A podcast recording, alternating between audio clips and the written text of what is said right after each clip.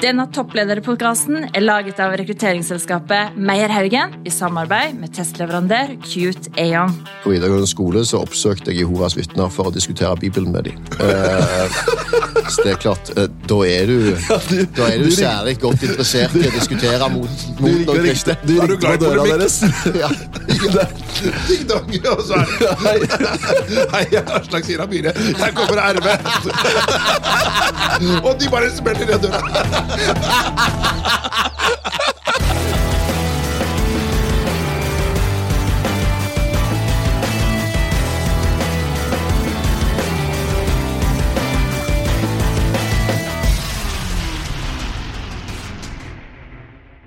Ja, Sverre. Da har vi en veldig spennende gjest i studio.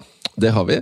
Og det, som er litt interessant, Jeg leste noe veldig interessant om den gjesten vi har i dag. og Jeg vet ikke om det er sant, men det skal vi sjekke etterpå. Og det er at vedkommende har et bonesertifikat. Ja, ja, men du, det kan jeg godt tenke meg. For her, han, øh, du, du var jo da hva skal jeg si, litt mer sånn øh, er, er det lov å si selvproletarisering Selvproletarisering en periode uh, for mange år siden? Ja, det selv, altså, all proletarisering er jo i hovedsak selvpolitarisering. Alternativet er jo tvangsarbeid. Ja, ikke sant? Eh, men eh, når jeg var leder for uh, Rød valgallianse, så var jeg leder for et parti som mente, og som vel fortsatt i kraft av Rødt mente, at det skulle representere arbeiderklassen i Norge. Ja. Og jeg var 23 når jeg ble valgt som leder. Ja. Og min livserfaring den kunne du oppsummere i videregående skole, studieliv og politikk. Eh, og både jeg og for så vidt partiet var, syntes det var fornuftig at jeg i den perioden jeg var for partiet òg hadde erfaring med hva det vil si å være i arbeidsliv. Så jeg fikk permisjon fra jobben som partileder i tre perioder i de seks årene jeg var partileder, hvor jeg jobbet med å vaske gulv. Det hadde jeg gjort før, så det kunne jeg fra før, så jeg hadde bonesertifikat når jeg gjorde dette. Ja. Eh, Så det var det arbeidet jeg faktisk kunne. Så hvis jeg skulle gå ut i et annet arbeid, så var det å være rengjører det var det, det feltet jeg kunne. Jeg hadde jobbet på Rosenborg Aft i Stavanger, og jeg hadde jobb på, eh, på Høgskolen og Universitetet i Stavanger den gangen, i tillegg til en del butikker. Og mens jeg var partileder, så jobbet jeg i eh, to perioder på sentralsykehuset, hvor jeg vasket gulv der, og så jobbet jeg faktisk i et helt år i kommunen, hvor jeg uh, var rengjører på en skole i kommunen. Og nå tror jeg de fleste har skjønt hvem som er dagens gjest. ja, og det er ingen ringere enn hele Norges nasjonalbibliotekar. Aslak Sira Myhre, velkommen. Tusen takk for det. Og vi har gleda oss så til å ha deg. For første gang vi hadde deg på podkast, det var en, en stillingspodkast på ca. et år siden. Da skulle vi finne en var det IT-direktør til eh, Nasjonalbiblioteket. Det var det, vet du. Vi fant en òg. Ja. Og, så, og den podkasten den ble så bra, syns vi. Og tenkte jeg, han er der. Den energien der, den har vi lyst til å ha tilbake i studio. Du følte jo at du la lista høyt eller lågt nå? Nei, jeg må bare si at det, Vanligvis er jo Sverre og jeg ganske energiske typer, men det er, noen ganger vi møter noen som, vi, vi, eh, som matcher oss på energinivå. Og det liker vi veldig godt. Jeg skal gjøre mitt beste, da. Bra. Men du, Hvis vi skulle blitt litt bedre kjent med deg, Arslak. Aslak eh, og Hvis vi hadde truffet hverandre i en sosial sammenheng, og så hadde jeg sagt du, Aslak, hva er Og så spør jeg deg om noen sånn, som er liksom ditt virkelig Altså Der du har passion, du kan prate med inn- og utpust hele kvelden, som ikke er med jobbrelatert, men som tenker å, fader, dette her er drømmespørsmålet mitt å få. Her, her sliter du allerede veldig tungt. da, fordi at uh, I utgangspunktet så hadde du ikke truffet meg i en sosial sammenheng. uh, hvis, hvis du først skal bli kjent med meg, fordi at jeg, eh, jeg er ikke noe god til smalltalker. Og jeg er ikke noe god til å treffe fremmede folk. Nei. Eh, jeg er ikke noe begeistra for å bli tvangssosialisert. Jeg Eh, og jeg er sjenert. Eh, så hvis jeg er i sånne sammenhenger, så vil jeg helst holde meg for meg sjøl og, og dra min vei fortest mulig. Ja. Men jeg liker å gjøre ting. Ja. Sånn at jeg, Når jeg treffer folk, for jeg kjenner jo mye folk og treffer mye folk, men de folka jeg treffer, de treffer jeg i forbindelse med jobb. Jeg treffer de i forbindelse med eh, idrettslaget som døt døtrene mine er i, og det er drifta av det. Jeg treffer de i forbindelse med at jeg går på ski, eller at jeg er på fotballkamp, eller at jeg gjør ting. Altså aktivitetsbasert, kan du si, eh, på mange måter. Altså det der å treffe meg i en setting hvor du tenker nå skal jeg få han til å smalltalke, det er i utgangspunktet jævlig usannsynlig, eh, rett og slett. Men, men, men øh, tematikk da, fordi jeg, jeg tenker jo liksom hele Inntrykket mitt det er litt sånn at jeg tipper at man kan snakke om mye forskjellig. da Og at du Jeg eh, liker jo å snakke, og jeg liker å høre min egen stemme, så jeg er jo ikke asosial selv om jeg er sjenert. Jeg liker ikke å tvangssnakke, Nei. eh, og jeg liker ikke å snakke om ingenting. Men hvis, vi skulle, hvis du skulle blitt kjent, kjent med meg, så ville jeg da ville sagt kom på i Korsvoll fotball, du. Ja, Og, og kom på en dugnad der, eller treff meg rundt et fotballag der, eller kom på jobben, eller vær et eller annet rundt der, så begynner vi fort å snakke. Og da er det sånn at eh, du kan jo putte på en femmer, og så kan du få nesten hva du vil. Men hvis vi kunne snakke om middelalderhistorie akkurat for tida, for nå er jeg Oi. litt opptatt av det, eh, og, og vikingtid, middelalderhistorie, historie i det hele tatt, så, så ville du fått en lange, lange, lange, lange, lange, lange prat. Hvis du vil snakke om fotball, så, så vil du òg få en For du har lang vært prat. United-supporter hele livet. Jeg har vel for faen aldri Eh, når, jeg var, det. når jeg var seks år, eh, så var det tippekamp på TV, og det var et blått lag mot et rødt lag. Eh, og far min spurte hvem jeg holdt med, og da valgte jeg de røde, for han holdt med de blå. Og det var Liverpool mot Everton, og sånn har det vært siden.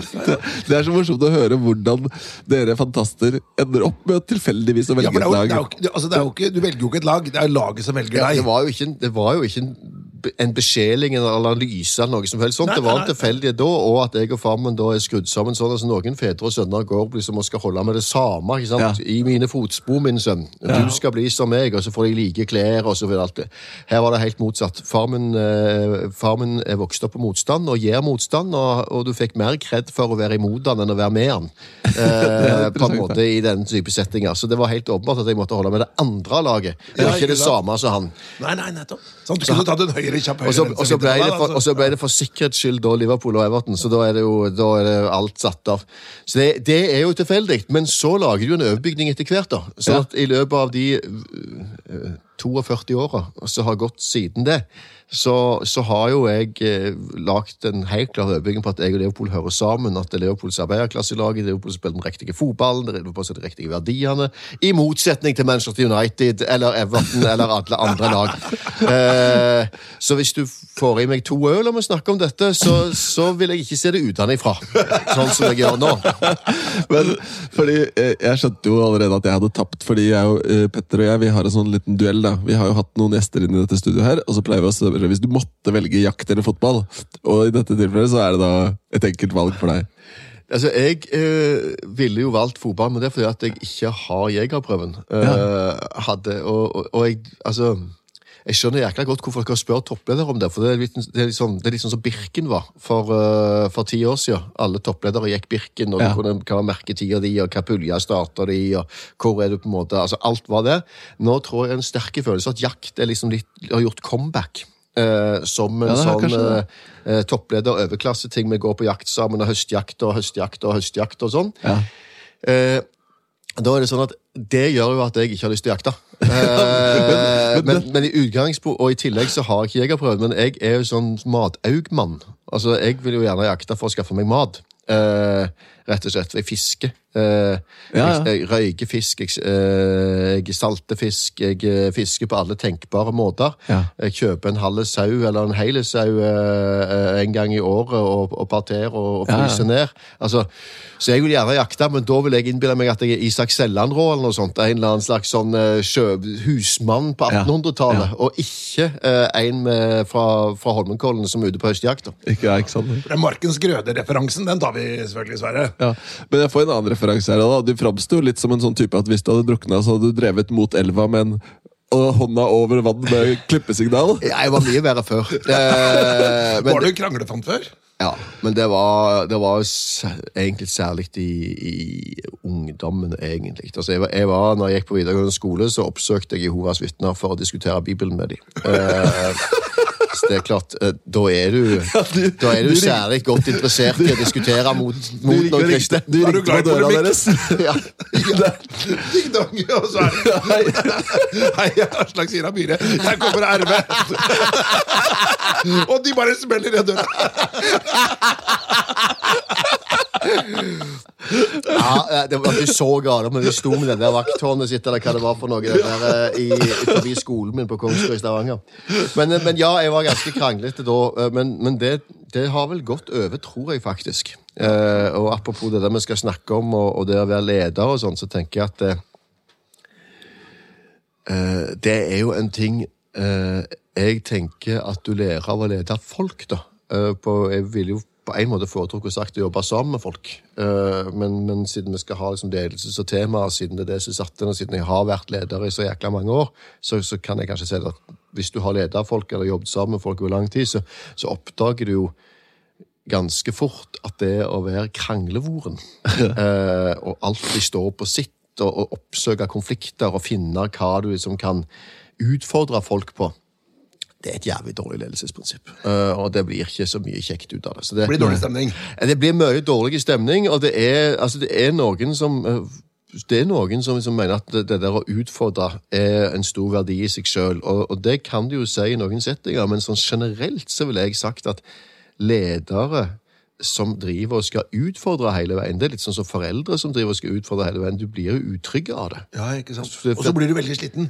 Ja, for du skal alltid være på vakt. ikke sant? Ja, ja, Du skal alltid ha Garden oppe. alltid ha garden oppe. ikke sant? Alltid liksom Uh, Så, det, så, så det, det tror jeg, jeg Den kranglinga tror jeg jeg slutta med en eller annen gang på veien over i studenttida og, og utover til, til å se at altså Jeg tipper at sånn som EU-kampen, da Jeg var jo da jeg var ikke med i noe parti uh, før egentlig eh, 1995. Uh, foreldrene mine hadde vært AKP-ere og vært i RV, hadde gått ut, og jeg var jo kranglevoren da, så ikke ville være med i Rød Ungdom, og ikke ville jeg være med i RV. Jeg synes ikke det var noe fornuftig. Jeg spør det var jeg som var fornuftig, egentlig.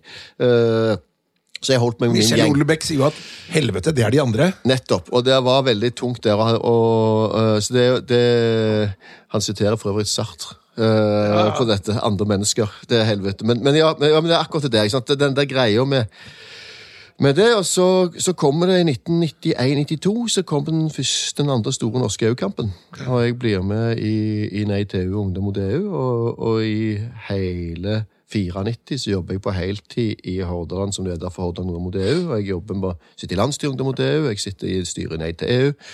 Og da jobbet du jo sammen med 250 000 mennesker i Norge, eh, som var ganske forskjellige, eh, rett og slett. Eh, veldig ulike mennesker. ikke sant? Politisk fra ytre høyre. Vi hadde en avgrensing mot rasister og nazister, men ellers så var det masse Frp-ere og folk langt ute, og så hele veien til de galneste kommunistene du kan finne. og Inni der har du KrF-ere, du har venstrefolk, du har senterpartister, du har arbeiderpartifolk, du har til og Høyre-folk og, og masse andre ikke sant, som, som er samla her.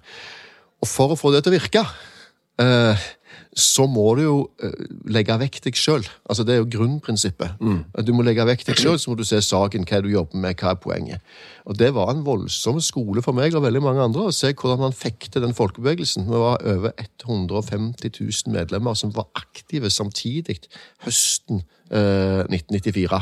Så det var liksom det som dannet hva skal vi si, lederspiren hos deg, da. Nei, altså deler av det. Fordi at jeg tror at det, jeg tror ikke det var spiren, for jeg hadde vært leder lenge før for veldig mange andre ting. Men, men jeg tror at jeg har med meg en erfaring derfra om eh, det å legge deg sjøl til sida eh, og, se hva er det vi har til felles, Ja. istedenfor hva er det vi eh, er Som skiller oss. som skiller oss, som vi er uenige om. Hva er det som får oss til å virke sammen når vi er så ulike? Og hvis du kan jobbe sammen med eh, si redaktøren for Dagen Jeg syns jo det var vanskelig, det er den kristne dagsavisa i Bergen.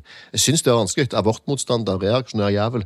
Eh, men du må jobbe sammen med derfra ut, fordi at dette er vi sammen om nå, så er det òg lettere etterpå. Så, så jeg tenker at det er i hvert fall én sånn, sånn ting jeg har med i boksen, da, i ryggsekken fra den EU-kampen, og, mange andre politiske saker òg, selvsagt, men at det har vært viktig i forhold til å ikke være så jævla kranglevoren, da, for å si det sånn. Men, men jeg, har et, jeg har et spørsmål til deg, fordi som av nysgjerrighet, da.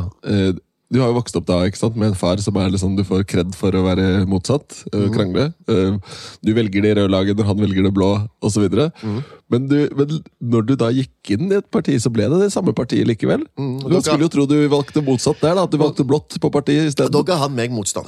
Det var første kommentaren når jeg kom hjem, var at jeg skulle velges til RV-leder. Jeg var 23 år. øh, i, jeg kom fram høsten 1996, og det var Hvorfor i helsike vil du deg sjøl så vondt? Eh, men ja, jeg gjorde det. det er klart Jeg har ikke Jeg er jo ikke Det er jo et sånt paradoks, da. Hvis, du skal, hvis jeg skal si noe fornuftig om det, så kan du si at eh, det er jo ikke så løye at vi deler engasjement og deler eh, posisjon med foreldrene våre, for vi formes jo av dem, vi formes jo klassemessig. Og og og far min de, de var jo akademikere i utgangspunktet, begge to. altså De hadde begge, har jo begge mellomfag i historie, men begge to valgte av dels politiske grunner, og for far min sin del også fordi han trivdes i akademia, eh, å jobbe. Så far min var sveiser, eh, og mor min var vaskegulv. Men det betyr jo, uansett hva som var deres beveggrunner, at jeg vokste jo opp i en familie hvor far min var sveiser og mor mi vaskegulv. Eh, Og et nabolag hvor andre hadde sånne jobber. Ja. Så det valget gjorde at jeg vokste opp i arbeiderklassen. Jeg vokste opp i en verden hvor jeg så disse tinga. Så sånn sett så er det ikke løye at jeg på en måte i bånn, ikke bare intellektuelt, men i bånn òg har noe av det samme engasjementet. Det er den gode sida av det, vil jeg si. Og at, så tenker jeg på mange måter at dette med ungdomsopprøret det er en oppskrytte ting. For det fenomenet dreier seg egentlig om noe som skjedde på 60-tallet. Eh, Og det var at ungene til borgerskapet i Vesten gjorde opprør mot foreldrene sine. Og det er liksom den ungdomsopprørstanken. Det er egentlig det, det øyeblikket, det fenomenet vi ser på, fordi at da var det liksom ungene de som hadde dress og slips og hatt, og gikk på jobb og var borgerlig danna og kanskje til og med gikk i kirka, de ble hippier og friker og kommunister og hadde fri sex og røykte hasj og, og var imot Vietnamkrig osv. Men det er en ganske spesiell periode i moderne historie. For akkurat den perioden der, på 60-tallet, så var det et kulturopprør, faktisk helt fra Kina. altså Kulturrevolusjonen skjer samtidig i Kina. Gjennom Sovjet, gjennom hele Vesten over i USA, som handla veldig mye om at det samfunnet vi kjenner i dag, ble til. Altså, det, det, et, et, et relativt likestilt samfunn, et samfunn hvor familiestrukturen og religion ikke betyr så mye, et samfunn hvor kulturen er i endring osv., hvor tradisjon har mindre å si. Mye av det moderne samfunnet. Det skjedde da, og det som skjedde da, var at man ikke speilte foreldrene sine i en periode. Men det er ikke så vanlig. Det vanlige er at man speiler foreldrene sine. Så den ideen om ungdomsopprør er på en måte en forsøk på å gjenskape noe som skjedde på 60-70-tallet. Men så er det andre som er det triste, da.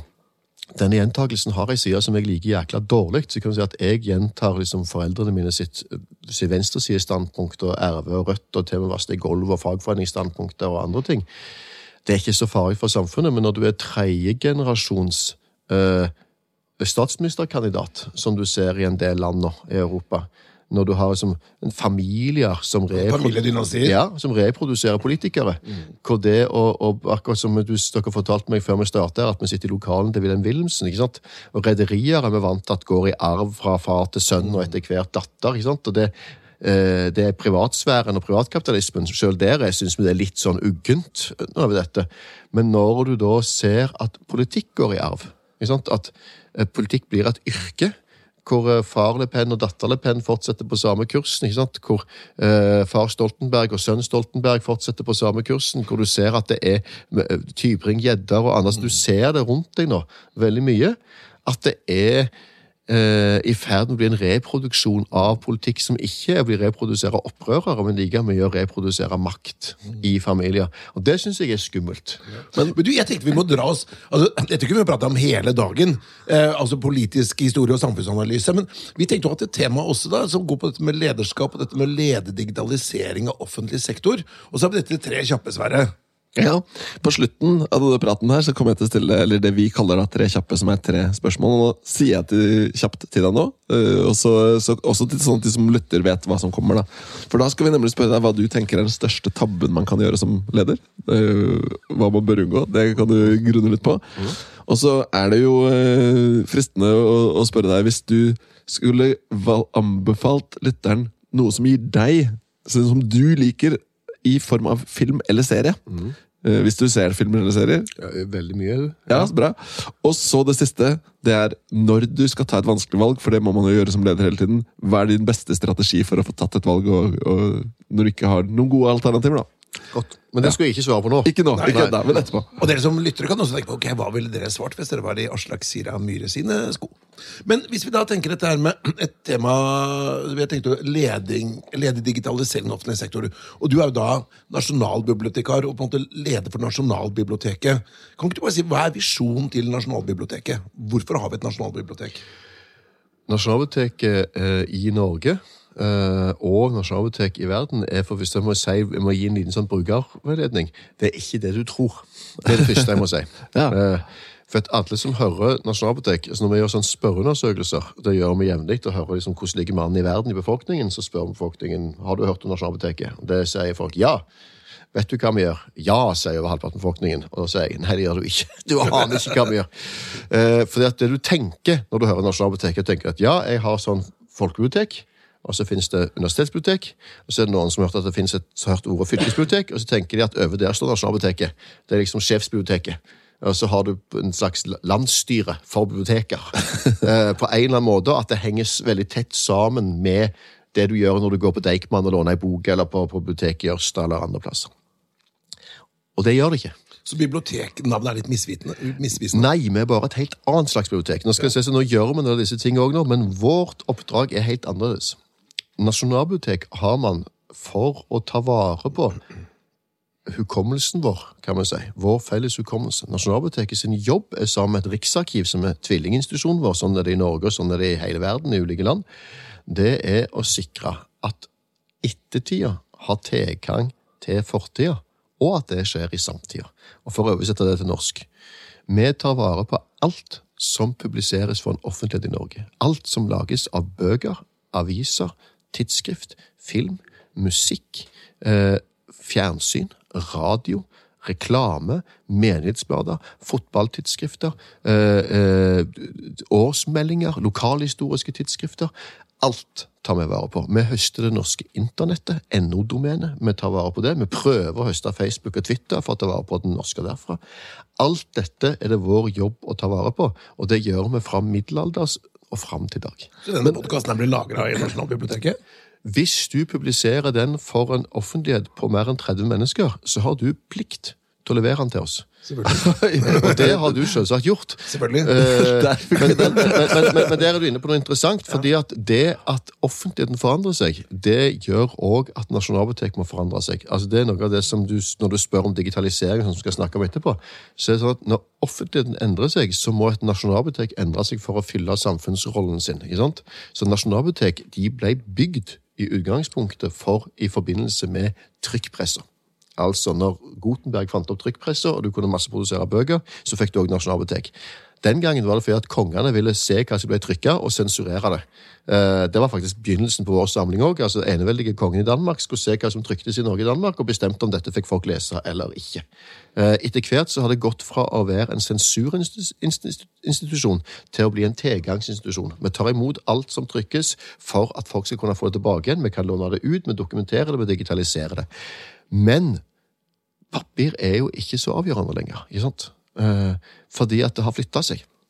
Og her er da det norske nasjonalbiblioteket veldig spesielt, fordi at det norske nasjonalbiblioteket var omtrent først i verden med å forstå dette. Vi fikk et ny pliktleveringslov for Nasjonalbiblioteket i 89, og da ble det oppretta en nasjonalbiblioteksavdeling i Mo i Rana når Jernverket der ble lagt ned, og den fikk ansvar for lyd, film, kringkasting og digitale dokumenter, som han kalte det da. Det, at det ble bygd opp et miljø innenfor det som ble kjernen i Nasjonalbiblioteket, som jobbet med det som ikke var papir. Som tok imot det som ikke var papir, og tok inn det. Og Det har vi bygd ei samling på senere, og så har vi digitalisert resten av samlingen. for å ta det kort. Sånn, når du spør tilbake til spørsmålet ditt, hva er visjonen, hvorfor er vi? Vi skal ta vare på alt eh, som publiseres for offentligheten. Det skal vi gjøre tilgjengelig for befolkningen i Norge, sånn at du kan vite både hvor du kommer fra, hva som er historien din, men òg skal kunne faktasjekke politikerne dine, maktmennesker, folk rundt deg, grunnet for kvalitetssikra tilgang på det som faktisk har skjedd. Så er en del av demokratiseringsprosessen og maktfordelingsprinsippet. Voldsomt mye viktig, det.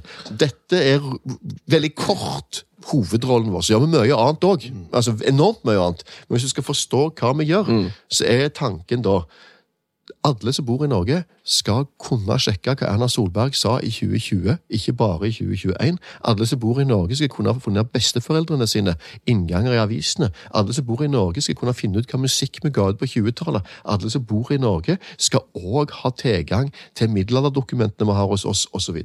Men apropos det, da. Du, nevnte, du nevnte jo også middelalderhistorie i stad. Jeg leste et sted, hørte en gang, at informasjonen som kommer i én avis i dag, er mer enn en average person fikk vite gjennom et livstid i middelalderen. Altså sånn, hvis du tenker på den veksten da, av data og informasjon som produseres, så nevner du sosiale medier, så nevner vi podkasten her.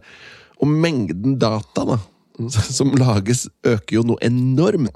Det, jo, det høres jo ut som en umulig oppgave å holde kontroll på da, for én institusjon. Dette er kjempeinteressant, det du sier. fordi at øh, øh, Jeg skal prøve en lignelse. Øh, nå har jeg en mobil foran meg her, som jeg holder opp foran dere. Denne mobilen det er en Samsung med knust skjerm.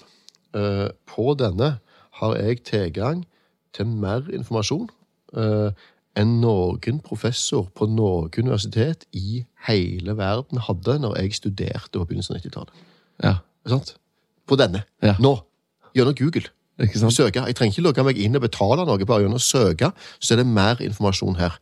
Og så sier du eh, hvis du blar opp i Aftenposten, så får du mer informasjon i løpet av Aftenposten enn det man hadde tilgang til på Sigrid Avansdatter sin tid, eller eh, eh, Kristin Avansdatter sin tid, mener jeg, eller, eller, eller tilsvarende ting, kan du si, at i middelalder osv. Som jo òg er en eh, voldsom vekst, men den er mye mer akselererende nå enn den var da. altså Tross Ja. alt, da. Fra eh, middelalderen og fram til, til 1990 så snakker vi jo en 600-700 år. Her snakker vi om 20-30 år. Eh, Dette er vår tids store dilemma. Du peker på én ting, det tar mye plass. Vi teller lagringsplass i petabyte hos oss. Og petabyte er Hvis du tar det sånn gangen her, du har gigabyte, så har du terabyte, og så Ja, 1000, eh, altså Hvis du tenker at når du går fra giga til eh, Terra? terra til peta, så ganger du med 1000 hver gang. Ja, ikke sant? Eh, så én petabyte i året vokser samlinga vår med nå. Ja. Eh, I alle fall. Det er, Eh, det er 1000 terra, da, sikkert. Ja, Eller noe sånt. Ja. Eh, så, og det er jo ganske mye, for å si det mildt. Eh, det er så mye at det er stort sett bare vi og Telenor og sånn som teller i, i petabyte. Og Telia sånn, som, som gjør det.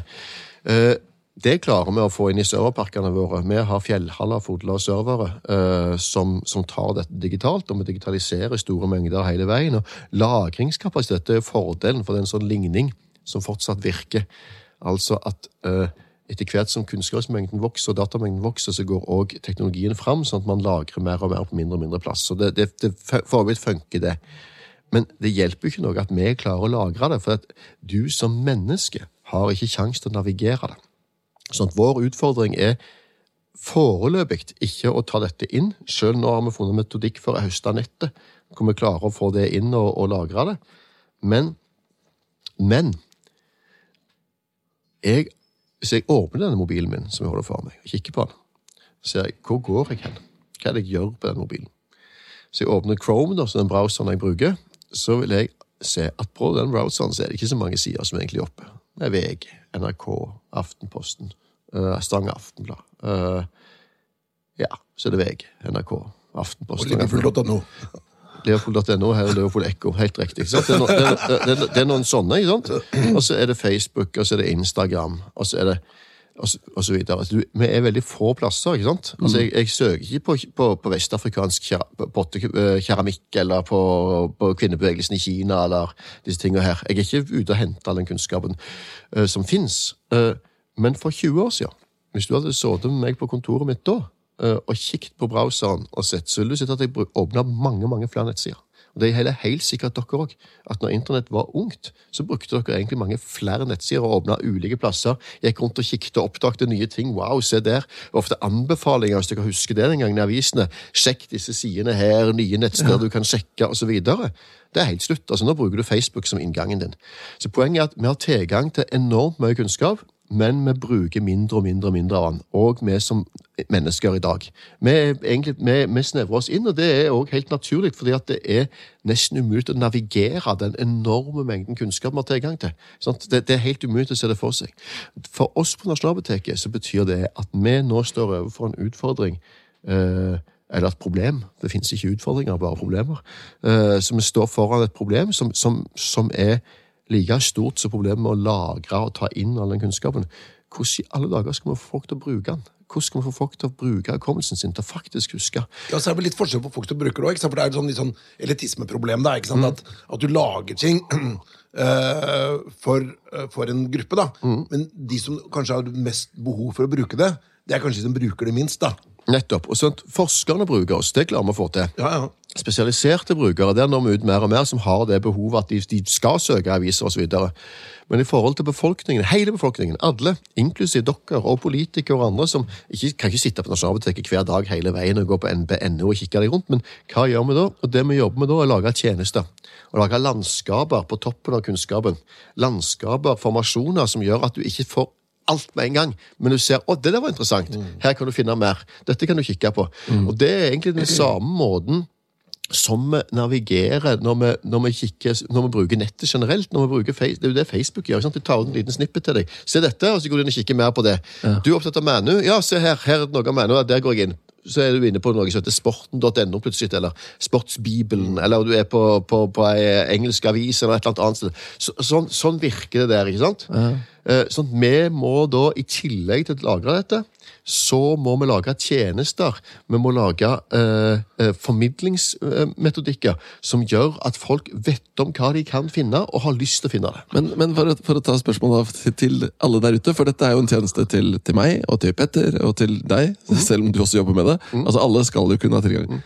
Eh, betyr dette at jeg kan, hvis jeg vil, gå inn og finne ting jeg har lyst til å finne Ja, det, det betyr det.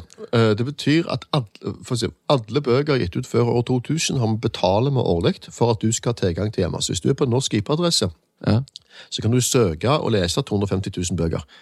Eh, alle, de, alle de bøkene er åpne for deg.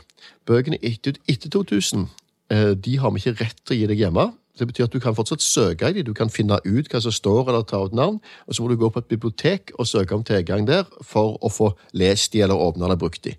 På avissida har vi digitalisert snart fire millioner aviser. Det vil variere fra avis til avis. Hvis du går i et bibliotek, så har du tilgang til stort sett alle sammen og kan åpne dem. Hvis du er hjemme, så er det ganske mange av de du har tilgang til, og aviser fra 30-tallet bakover åpner alle sammen. Så du vil finne hjemme og kunne søke i. På musikk er det noe av det samme. Musikk fram til 1960, 78-platene, de kan du faktisk spille hjemme. Og høre og søke i og, finne. Det som er, er nyere enn det, det har vi ikke hatt tilgang til. Foto er det nå to millioner bilder som ligger ute. Uh, Ca. én til to millioner, tror jeg. Eh, husker ikke farten hvor mange vi har lagt ut, men som vi har kunnet gi tilgang til, og det vokser hele veien. Tidsskriftene er på vei ut. Store prosjektet vi har satt oss nå, er et mediearkiv hvor vi vil legge NRK-arkivet med sida av avisene, sånn at du også kan høre radioen og se fjernsyn og legge det med sida av. Vi navigerer hele, hele tida et problem. Det er mange problemer. Mm. Men det ene er at kapasiteten til å digitalisere og gjøre ting tilgjengelig. Det tar tid, krever arbeidskraft og penger osv. Men det andre er rettigheter. Altså, Vi må gi dette ut, men vi må ta, ivareta rettighetene til folk. Og Da er det to typer rettigheter. Det er åndsverk. ikke sant? Du har skrevet denne boka, og du vil faen ikke at folk skal få den gratis. Det må, skal Nasjonalbiblioteket betale for. Det andre er retten til eget bilde. Noen tok bilde av deg i russetida. Uh, Det eh, Jeg vil helst ikke at folk skal se. Nettopp. ikke sant? Det ligger ute en plass. Du oppdager det, og så er spørsmålet har vi rett til å legge det ut av deg. Altså, Var det noe kjekt? Uh, Så og Da kommer du over på retten til eget bilde og, og privatliv osv. Russetida på Notodden eh, 1990, det er greit at det var ikke så mye digitale kameraer. si sånn. Men jeg tenkte å gå tilbake til dette med lede digitaliseringen av offentlig sektor, som er noe av temaet i dag. Altså, Du er da leder for en av de eh, virkelig viktige institusjonene i Norge eh, med et stort samfunnsansvar. Men hvis du skal prøve å se på dette med ledergjerningen i en digitalisering av offentlig sektor, det kan både være Lånekassa, Skatteetaten, det kan være Nav, det kan være mange. Hva slags tips og råd vil du gi til folk som skal ønske å digitalisere offentlig sektor? Ja, det er jo Tenker jeg, da. At der er det for det første Hvis du skal, hvis du skal digitalisere eh, tjenester, eh, så skal du ikke snakke med meg. Da skal du snakke med Skatt og Nav og de som på en måte jobber med det. Og bak det mener jeg at det ligger noe litt klokere enn akkurat det å skyve noen andre foran meg, og det er at eh, det viktigste jeg ville sagt hvis du vil digitalisere offentlig sektor eller noe i privat sektor, hva som helst, det er å slutte å snakke om digitalisering. Eh, eh, og istedenfor å snakke om hva du vil gjøre. Fordi eh, digitalisering, altså når jeg begynte på Nasjonalbiblioteket, så kom jeg til en gjennomdigitalisert institusjon i utgangspunktet. Eh, både i forhold til interne prosesser i forhold til, til, å jobbe med digitalisering og det digitale utgangspunktet. Vi hadde aldri møter om noe digitalt. De snakket, de snakket ikke om det digitale. Vi snakket om hva vi gjorde, og det tenker jeg er et tegn på modenhet i forhold til digitalisering. For at digitale redskaper er ikke annerledes enn analoge redskaper. På mange måter så er alt digitalt, til og med kunstig intelligens, det er bare en hammer. Eh, og hvis du skal ha en snekker som skal bygge huset ditt, og det kommer en snekker til deg, eller en entreprenør da, skal bygge huset etter han sier 'Nå skal du se hva jeg har'. Ja, 'Denne hammeren her, den er fin, den'.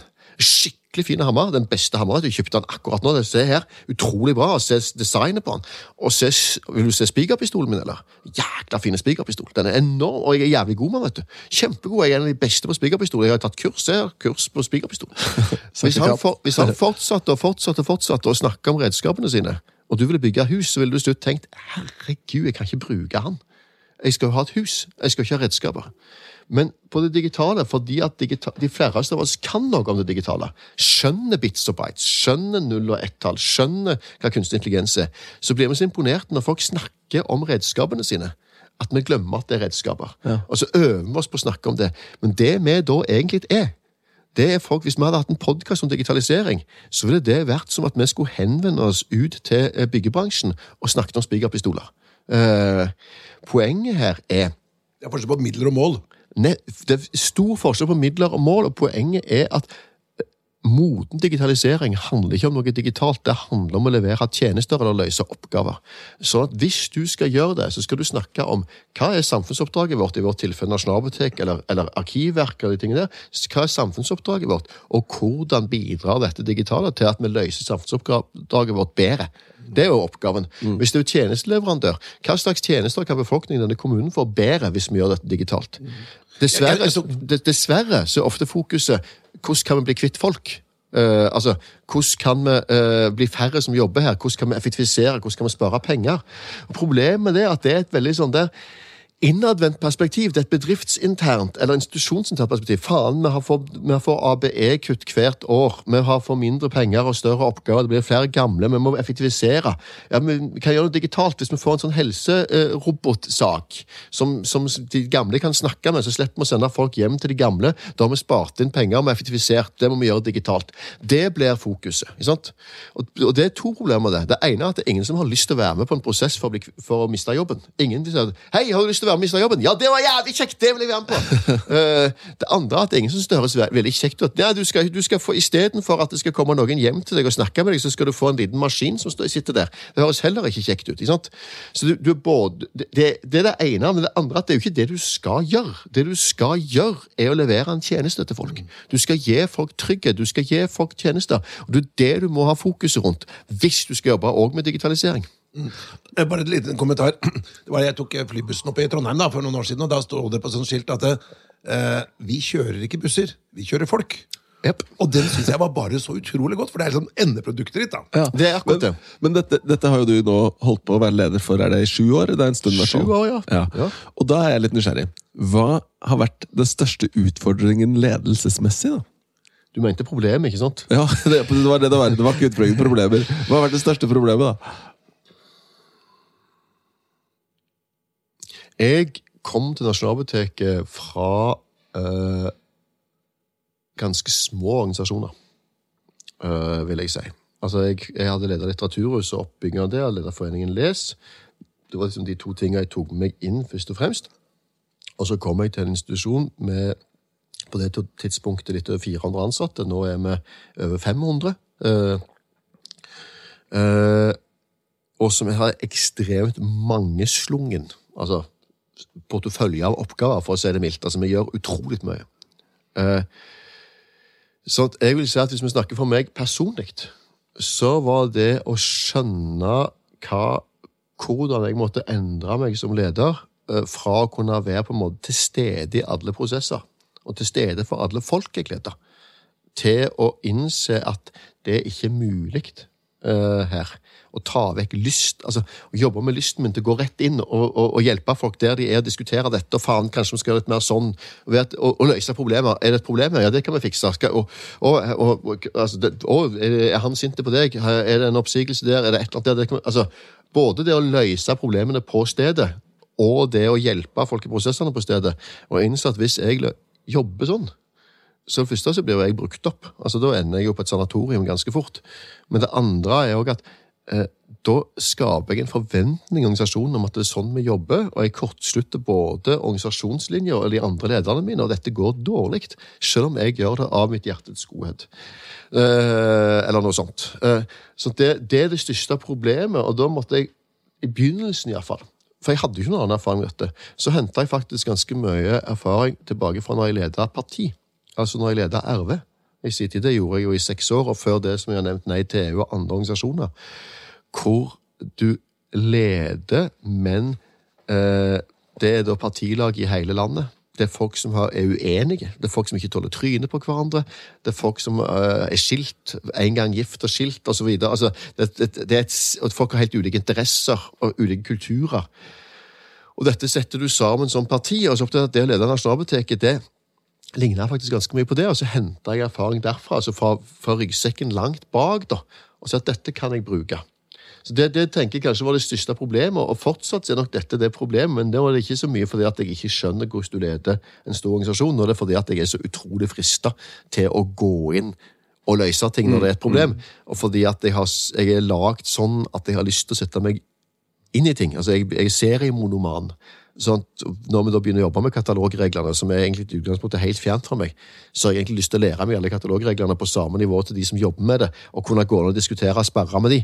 Men da er det mer et spørsmål om å bekjempe mine egne lyster, mer enn å ikke forstå hvordan organisasjonen virker, håper jeg. Du, jeg tenkte vi skulle se litt på dette her med personlighet, eh, Sverre. Det er jo ditt favorittema. Ja, det, vi, vi syns jo det er gøy å, å prøve å liksom bli kjent med de som er gjester her, eh, Aslak. Og vi jobber med tester av personlighet, hvor vi prøver å forstå og analysere folk. ikke sant?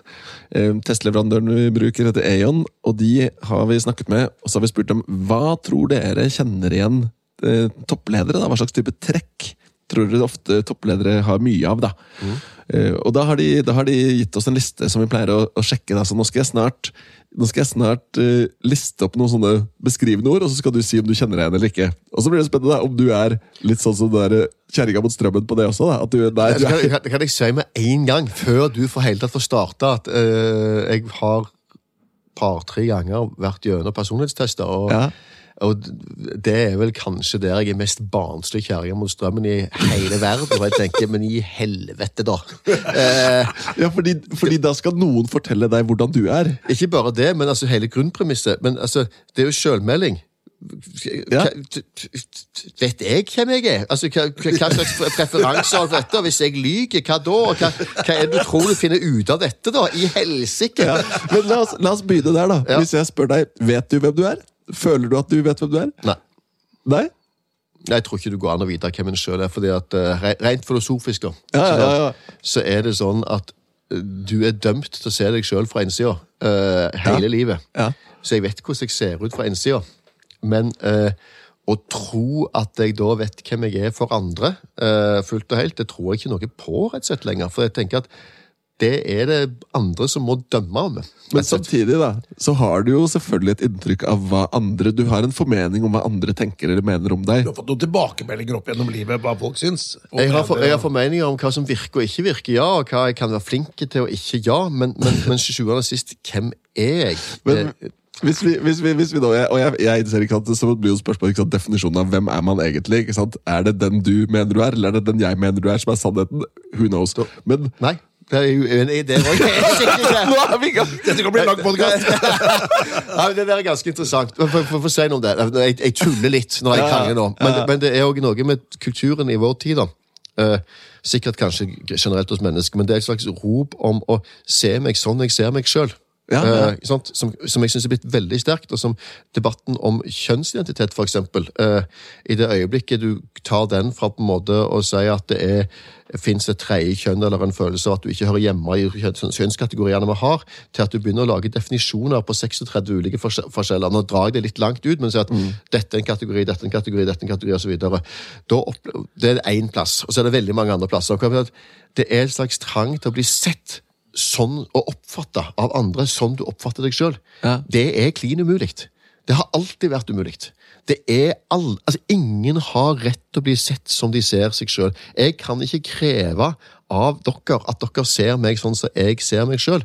Det går ikke. Og Nå snakker jeg ikke om kjønn, egentlig, det var bare et bilde. Men tenker Ja, ja. sånn, den jeg er, eller hvordan jeg er, osv. The proof of the pudding is in the eating, vil du se på karakteristikkene dine. Og det er sånn som andre ser deg, som definerer deg. Ok, Men du har jo allerede, du har jo allerede Det er veldig interessant, da, fordi det var litt sånn som jeg, sånn som jeg innledet med. At det, blir, det er litt opp, opprør mot eh, hele prinsippet her. Men du har jo allerede brukt noen ord for å beskrive deg selv. da, eh, Aslak. Du har sagt at du er sjenert, f.eks. Sant? Er det noen andre ord du ville bruke for å beskrive deg selv, som, som beskriver deg? da? Hvis vi unngår å kalle det personlighet, men beskriver deg? Eh, Sjenert, intens, uh, tror jeg man kan si. Engasjert, tror jeg jeg må kunne si. Ja. Uh, hang til tungsinn, eh, vil jeg òg si, hvis jeg skal være Ja, ærlig. ja. Eh,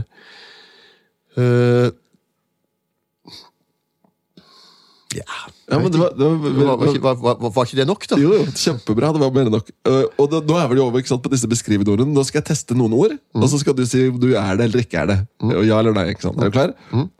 Vil du si at du er overbevisende? Ja. Vil du si at du er hensynsfull? Ja. Vil du si at du er resultatfokusert? Ja. Vil du si at du er besluttsom? Ja. Vil du si at du er teoretisk? Tja. Tja. Vil du si at du er optimistisk?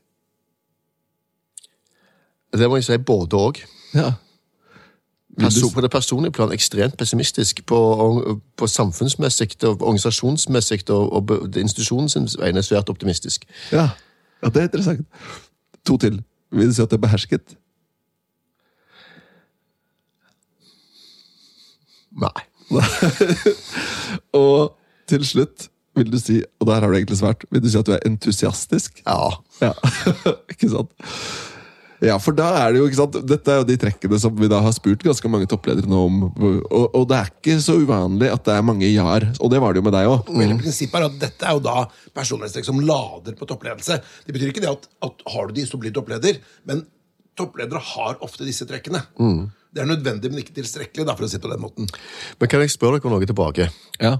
Om det der? Eh, for dere jobber jo med ledelse hele veien osv. Og, så og jeg, jeg har tenkt, og tenker om det, at uh, uh, altså Hvis vi får bruke en analogi, da. Hvis dere har sett sånne programmer om drømmelæreren, den beste læreren osv. Jeg har jobbet i skolen, jeg har møtt vaskegulv i skolen, og så har jeg vært elev i skolen, og så har jeg hatt unger i skolen, og sånn, og så ser jeg alle har en drømmelærer, en fantastisk dame eller mann som var så entusiastisk, engasjerende, delte, elsket faget sitt, hadde små forestillinger på kateter og Eller så deg. ja, eller så de alle de tingene der. ikke sant? Så alt dette. Så er man sånn skal læreren være. Eh, så blir problemet da at i virkelighetens verden så skal du ha vet ikke hvor mange tusen lærere det er i Norge. 10 000, 100 000, det er opp mot 100 000 lærere vil jeg tippe, som skal gå i skolen hver dag og være der. Og de vil ha et enormt spenn av type personligheter vesener, måter å være på. Noen av de er sjenerte, noen av de er flinke på kateteret, noen av de er sånn passe gode skuespillere, noen av de er fantastiske, osv. Og, og hvis lærerne skal fungere, så må du ha en lærerrolle som rommer alle disse. Du kan ikke ha en lærerrolle hvor alle må være sånn som meg. Jeg er en type sånn utadvendt, engasjerende eh, fyr som kan få folk til å underholde en klasse. Eh, og, og de syns det er dritkult, og de syns det er kjempebra etterpå. Men, men det, er, sånn er, det er noe sånn jeg er. Folk er forskjellige på det. ikke sant? Hvordan folk er, og hva de gjør, og hvordan ting virker. En lærer må kunne virke, selv om hun kanskje ikke har så spesielt lyst til å være utadvendte, men er flinke på andre ting, ser de, osv. Så, videre. så tenker jeg i forhold til ledelse. Eh, min erfaring er at det finnes utrolig mange måter å være flinke leder på. Eh, og at det å tro at man må ha Altså, det fins innadvendte ledere som er dritdyktige. Det fins utadvendte ledere som er dritdyktige. Det fins folk med veldig vidt forskjellige personligheter og personlighetstrekk som tar ledelse på veldig ulike måter, og ikke minst ulike forhold til organisasjoner og folk. Så spørsmålet mitt tilbake igjen da, til dere er når man opererer med sånne ting, skaper man ikke da stereotypier? Du, Det svarer jeg gjerne på. Det er et Fantastisk godt spørsmål. Altså I starten av liksom, hva skal jeg si, psykologidelen av dette, da, så trodde man ofte at man hadde da en en spesiell personlighet, som var liksom den, det som var drømmepersonligheten. da, ikke sant? Man tenkte at én personlighet var en, en, en, veldig god match da, til en personlighet, til et yrke. da. Det tenker man ikke lenger. Så akkurat som du sier, for at du tenker politifolk, Masse forskjellige personligheter innen politifolk, masse forskjellige personligheter innen ledere, og, og, sikkert nasjonalbibliotekarer rundt i verden også. Eh, så det tenker man ikke lenger. Så det er ikke det at når vi går inn etter, så ser vi at det, denne personligheten er en mal, og avvik fra den er negativt. Mm. Så, så, det gjør man ikke. Altså De som moderne bruk av disse testene er akkurat som du sier, det finnes masse forskjellige personligheter. Og det er heller ikke at én personlighet er bedre enn noen annen personlighet. Det er egentlig til noe som helst. Man tror ikke det lenger. altså. Og så er, er, det jo veldig viktig på, på, det som finnes da, av studier og liksom det man har, i den grad man har data på disse tingene, så handler det jo om å se på statistikk på sant, forskning på hva er sammenhengene. da. Mm. Sånn som for eksempel på innenfor ledelse, så ser man det at for å bli valgt som leder så er det ikke sånn, det er ikke noe tydelig sammenheng mellom det å være omsorgsfull mm. og bli valgt som leder. Det er ikke noe sånn at de som er det, oftere blir valgt. Og så videre. Men hvis man ser på hvem er det som blir ansett som dyktige ledere, mm. da er det flere av de som er høye på omsorg da, i en personlighetstest. Og så betyr ikke det akkurat som du sier, så betyr ikke det at det er kun de som er høye på omsorg, som er dyktige ledere. Det finnes mange dyktige ledere som blir ansett som dyktige mm. uten det også. Men det er flere av de som er mm. høye på omsorg, som blir ansett som dyktige. Sånn Statistisk sett så er det en sammenheng. Det, det, er interessant, fordi at du kan godt ville bli leder uten å være omsorgsfull eller være opptatt av hvordan folk har det. Du kan ha stor drive for det og lett bli leder eh, på ulike måter. fordi at du har, Det er noe av det som forundrer meg etter hvert som jeg blir eldre. Det er hvor mye folk får til bare med å si at 'jeg vil'. Har så jævlig lyst. Men, sånt det. Men, men, så skal du være det en periode, og hvis du da ikke ser folk eller har omsorg for folk, eller faktisk bryr deg om folk, så, så går den der gleden over hun eller han veldig sterk lederen fort over i faen i helvete. Ja. Det som er, Hvis du ser på det eneste personlighetstrekket som korrelerer med lederskap, da, det er ofte energi. Folk som er energiske, de tar på seg mer, de blir sett mer. De får ofte lederegenskaper. De er ikke smartere eller de er ikke mer visjonære eller strategiske, nødvendigvis, men de er mer energiske. Eh, og men, derfor men igjen, da, som regel igjen, i lederskap. Igjen så er det ikke en én-til-én. Det, er, ikke, det er liksom det bare flere av dem. Ja, ja. Men, men, det dere sier, det er veldig interessant, syns jeg. Det hadde jeg tenkt at Hvis det var én ting jeg skulle si i denne podkasten, så er det var dette en av de. Det ene har vi snakket om, og det er på en måte at ledelse etter mitt syn handler om uh, oppdraget ditt. Om det du skal gjøre, ikke om å være leder. Ledere som er opptatt av å være leder, de interesserer meg midt i ræva. Rett og slett. For det, det, er, det, er, det du gjør, som er poenget, òg for ledere. Akkurat som fagarbeidere og alle andre. Det er det du skal gjøre, og det du skal være engasjert i det. I resultatet, i målet, i samfunnsoppdraget, eller hva det måtte være. Men det andre jeg hadde lyst til å si, det er jo at jeg tror ikke at ledelse er et teoretisk fag. Eh, jeg tror at ledelse er et praktisk fag. Det vil si at jeg tror at man lærer å bli leder gjennom å være leder, gjennom å ta ledelse. Eh, og Det er også derfor jeg tror at veldig forskjellige typer folk kan bli ledere. Og jeg tror at sånn som For min del så erfarte jeg dette, så lærte jeg å bli leder gjennom frivilligheten. altså gjennom skoleaviser, skoletatere og politikken som vi har vært inne på her. Det du lærer, er å ta ansvar for sluttresultatet. Og du lærer å organisere folk gjennom altså hva skal til for å få det til. Og du lærer ikke minst å håndtere konflikt, for dette handler veldig mye om det. Å håndtere motsetninger, konflikt og fordelinger osv. Mange lærer det på arbeidsplassen sin. Altså At de, de, tar ansvar, som du er inne på, på arbeidsplassen sin. De, tar, de er engasjerte. Eh, og Dermed så går de fort til at de får ansvar for å koordinere Norge eller bli mellomleder osv. den veien der.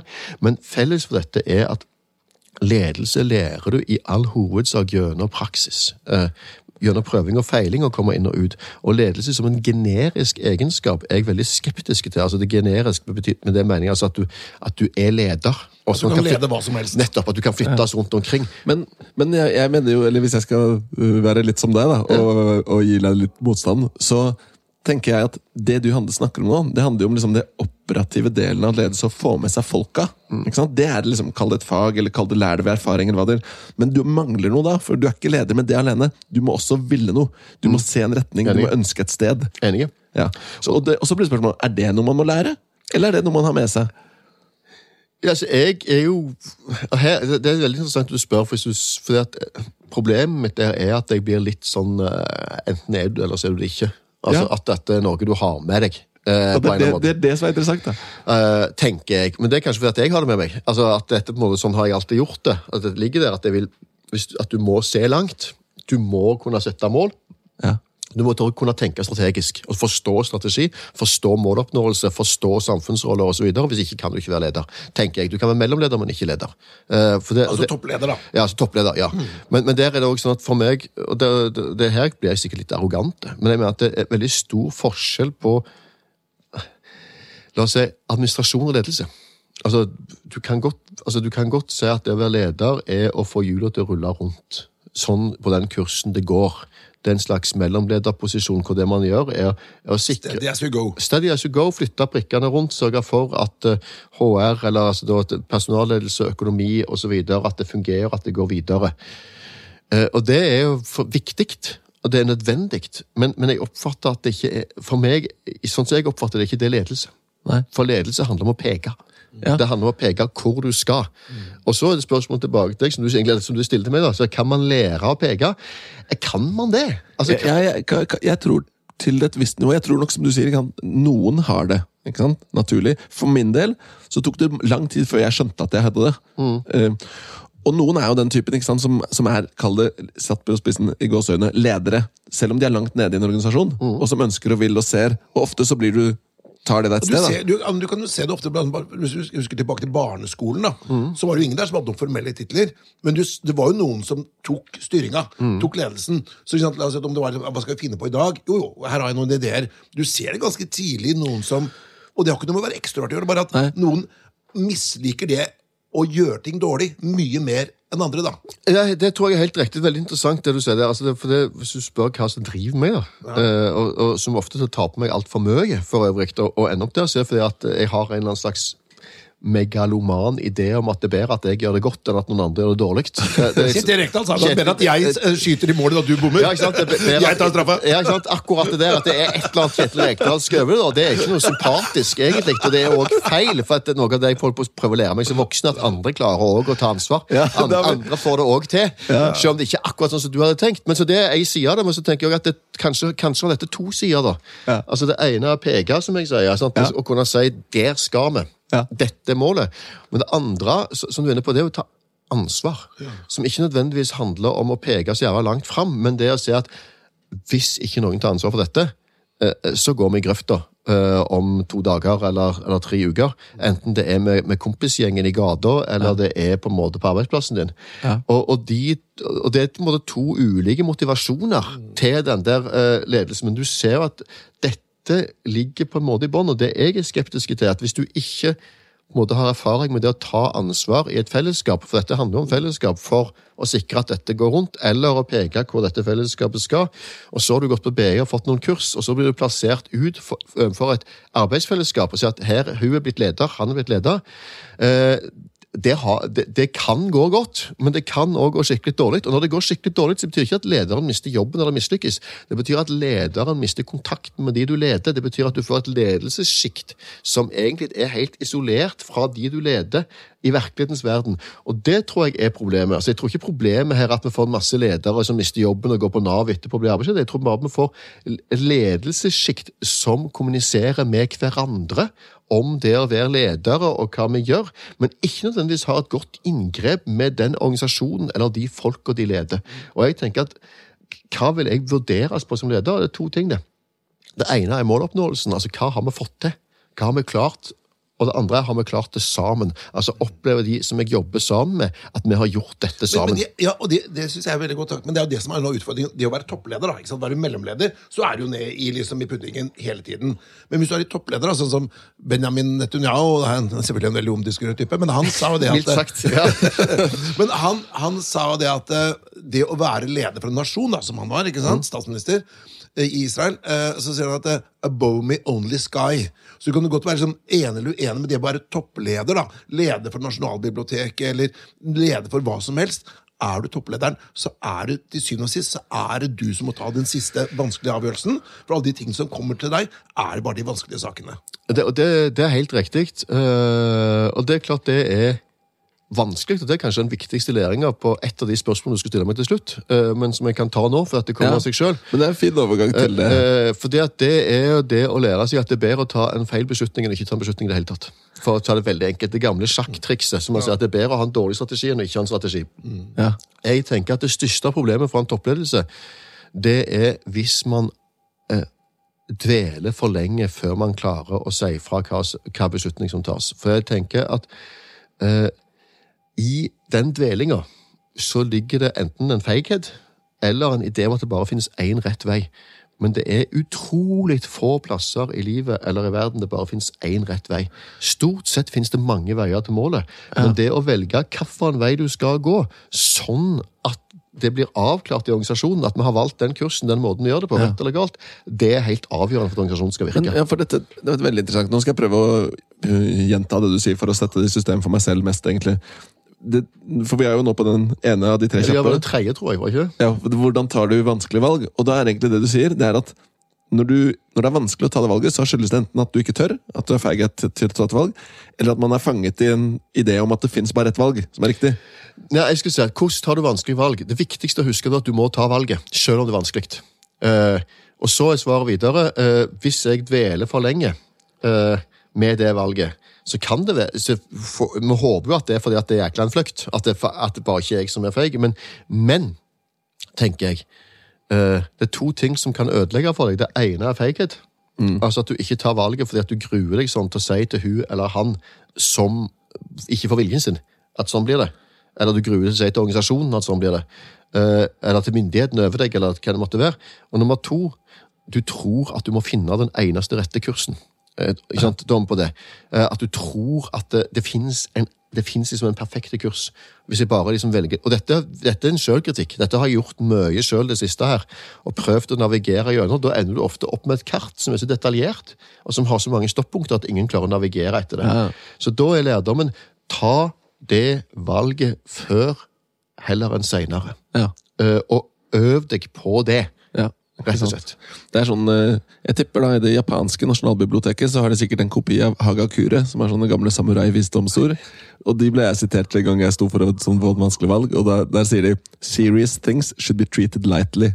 Altså, Har du et vanskelig valg, bare ta et valg. Det, og ja, men det, det er noe i det, og dette, dette jobber jeg med hele veien, for øvrig, men, men det er noe med at eh, hvis vi tar vekk troen på at en sjøl er Gud, at bare jeg kan og bare jeg vet, osv., uh, og du samtidig har nok kunnskap til at du ikke tar komplett idiotiske valg Uh, at du, Nå skal Nasjonalbiblioteket begynne med bowling. Det er en jævlig god idé. Bowling er vår framtid. Altså, at, altså, både vekke fra idiotien, da. Og så er du øverst så blir du presentert for problemstillinger som er dritvanskelige. Sant?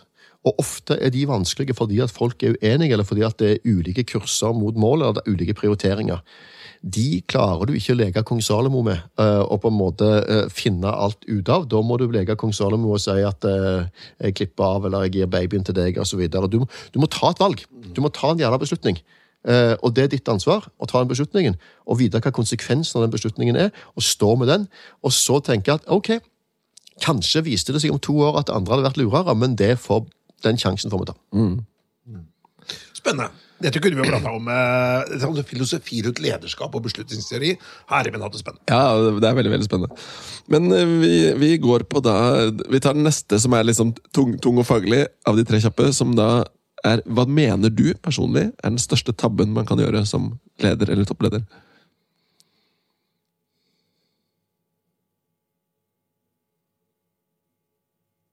Jeg transkriberer for lytterne. Det tenkes.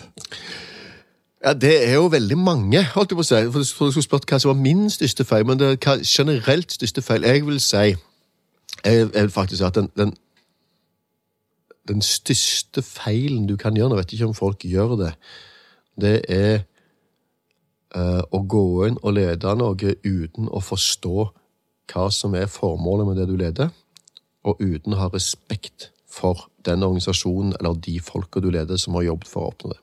Det er som den feil nummer én og det største. Ja. Du kan si, Fins det? Ja, jeg tror at det finnes i omorganiseringsprosesser, omstillingsprosesser i offentlig og privat. Så tror jeg åpenbart at det skjer. Eh, at det kan skje. Uh, uh, tenker jeg. Og så er feil nummer to vil jeg sagt, det er å gjemme seg vekk. Og grunnen til at jeg sier det, er at det er veldig lett å gjøre som toppleder. Altså, som toppleder så kan du lege kan, altså, Jeg hadde ikke trengt å være i Norge omtrent, jeg som nasjonalbibliotekar. Altså, jeg kunne teoretisk sett bare reist rundt i utlandet og vært på møter, og så latt noen andre lede. Og latt noen andre gjøre ting, og så dukket opp av og til. Og jeg kunne stukke av hver gang det var en konflikt. Altså, for som toppleder, altså, hvem var det som skulle stilt spørsmål, da? Selv departementet ville liksom stede med å si sånn, ja, hvorfor er du på denne konferansen? Faglig veldig viktig. veldig viktig. Det er viktig for oss som nasjonalbibliotek at vi er til stede. Altså, jeg kunne valgt å ikke være til stede. Eh, og jeg kan iallfall velge å ikke være til stede når det er konflikter eller vanskelige ting. Eh, det mener jeg er en stor feil, for da slutter du å lede. Mm. Da slutter du å være der. Så det å stikke av, det å, å være vekke, å være usynlige eh, for organisasjonen og for det som faktisk skjer, eller at bare leder gjennom leder og aldri ser organisasjonen. Nei, jeg ser bare disse sju direktørene. Det er bare de jeg forholder meg til. De andre Nei, nei, jeg nekter. Altså, på mange... De er under din verdighet. Ja, altså de er under min verdighet, eller jeg slipper å forholde meg altså, eh, Da slutter du òg å være leder. så nå snakker jeg ikke om, nå snakker, altså, Når jeg snakker om det på den måten her, så er det at hvis du gjør dette, er du ikke leder. Det er vel egentlig det jeg sier. da. Ja, ja. Det er veldig bra. Ja. Skal vi, nå kommer favorittspørsmålet vårt. ja, da, da går vi litt sånn i de lettere leirer. Hvis vi nevnte det innledningsvis. Din anbefaling til en film eller serie? Altså, jeg ser veldig mye serier, særlig. Og for så vidt film. Så det, men så spørsmålet om jeg skal anbefale noe, som kanskje noe folk ikke har hørt om. i utgangspunktet. For at i utgangspunktet så ville jeg jo sagt at eh, du, du starter uansett med The Wire og Game of Thrones og ser deg gjennom alle disse klassikerne. Men, men det har kanskje folk sett. Men akkurat nå, for de som er sånn som meg, som liker å se serier hvor man kan stikke av fra verden, eh, så anbefaler jeg Foundations. Eh, Som er basert på uh, eh, Isak Asimov sine klassiske science fiction-bøker, som heter Foundation, som ble skrevet egentlig på 50- og 60-tallet. Men han skrev også tre ekstrabøker fra universitetet på 80-tallet. Eh, disse har jeg tenkt, for jeg leste de for en del år siden, at jeg tenkte at de var helt umulige å lage serier av, fordi at de strekker seg over mange tusenvis av år i en fjern framtid for menneskene i verdensrommet. Eh, og hvor det er en slags sånn, ganske sånn finurlig, filosofisk, teoretisk tankegang i bånn. Men eh, eh, Apple er det vel som har den nå, Apple Pluss, tror jeg. Eh, der har, de har fått noen til å, til å lage dette over til TV-serie, og de har da lagd det på en måte hvor de tilpasser Asimovs univers til å bli en øh, fungerende TV-serie. Og Jeg ser han sammen med kona mi, og hun har ikke sett lest bøkene. Ja. Uh, og hun syns det er bra, og jeg som har lest bøkene, syns det er bra. Selv om jeg av og til tenker det var ikke sånn i boka, så fungerer det veldig godt. det uh, så fungerer det faktisk veldig godt. Og det at hun liker det, det tenker jeg at det, de har klart å bruke Asimov til å lage et fungerende univers. Så hvis du liker romskip, uh, science fiction og ulike varianter, Foundation. Ja, og jeg, Hvis man ikke liker romskip og science ja, fiction men, men først, først må jeg kommentere, da. Fordi jeg har nemlig begynt å se den. Og jeg, jeg har ikke lest bøkene, men jeg syns den er fantastisk kul. Veldig spennende. Og jeg har lyst til å lese bøkene. Ja. Og, den, og, og det morsomme da med den som en digresjon til deg, det er jo, hvis jeg har forstått disse konseptene riktig, så er det jo en parallell til Nasjonalbiblioteket. For det det handler om, er vel litt at de skal lagre Det er veldig veldig kult det du sier der, for at det er noen grunn til å like det, er at det er en, et av konseptene her at du lagrer all verdens kunnskap. eh, Yes. Fordi at det kommer et sivilisasjonssammenbrudd, og den skal dukke opp igjen etter sivilisasjonssammenbruddet. At Ikke du skal ha den til å gjenoppbygge. Ja. Ja. Det er veldig, veldig fascinerende. Hvis du ikke liker science fiction, så kan jeg da gå til det motsatte, siden jeg er nerd. Skal først avsløre at jeg er nerd, så er det da til historie, og da ville jeg eh, på det aller, aller, aller, aller, aller, aller, aller, aller, aller, aller, aller, aller, aller, aller, aller varmeste anbefaler en serie som heter Wolf Hall. Det tror jeg den ligger ute på NRK ennå. Wolf Hall? Wolf Hall, ja. Og det er filmatiseringen av uh, ei bok som heter Wolf Hall, av Hilary Mantel. Eh, hun har skrevet en trilogi. Hun er kanskje hun er vel en av de to-tre fremste nålevende forfatterne i verden, vil jeg sagt. Hun har skrevet tre historiske romaner om Oliver Cromwell. Oliver Cromwell eh, Nei, unnskyld, ikke Oliver Thomas Cromwell, mener jeg. Eh, Oliver eh, var nevøen. Thomas Cromwell, som er den berømte rådgiveren til Henrik den 8., mest kjent fra sånne Henrik den 8.-serier hvor han til slutt mister hodet og skal skaffe Henrik den 8. koner osv. Veldig mye drama rundt de konene. Henry Mantel har skrevet da tre romaner med perspektivet til Thomas Cromwell. Veldig veldig historisk interessant person. Eh, hun har lest alle brevene hans, alle brev, alle kilder, og gjort et fantastisk historisk research. Bøkene er fantastiske, anbefaler å lese de, men filmatiseringen, serien i to sesonger, er òg sjukt bra. Rett og slett sjukt, sjukt bra. Den er akkurat passe seine, historisk veldig bra. Fantastiske skuespillere. Eh, ja, Vidunderlig, rett og slett. Jeg tipper, hvis jeg kjenner Petter rett, dette kommer du til å sjekke ut. Ja, det, selvfølgelig. selvfølgelig. Jeg Ja. det er kjempespennende. Men uh, tipset der, Sverre, fra serier Det er jo tiden for å se uh, serien når The Winter Is Coming. Winter is coming, ja. Altså, det er mange bra serier. Jeg, jeg er jo Jeg synes jo Den serien jeg oftest anbefaler, er Peaky Blinders. Jeg synes den er Ja. fantastisk kul.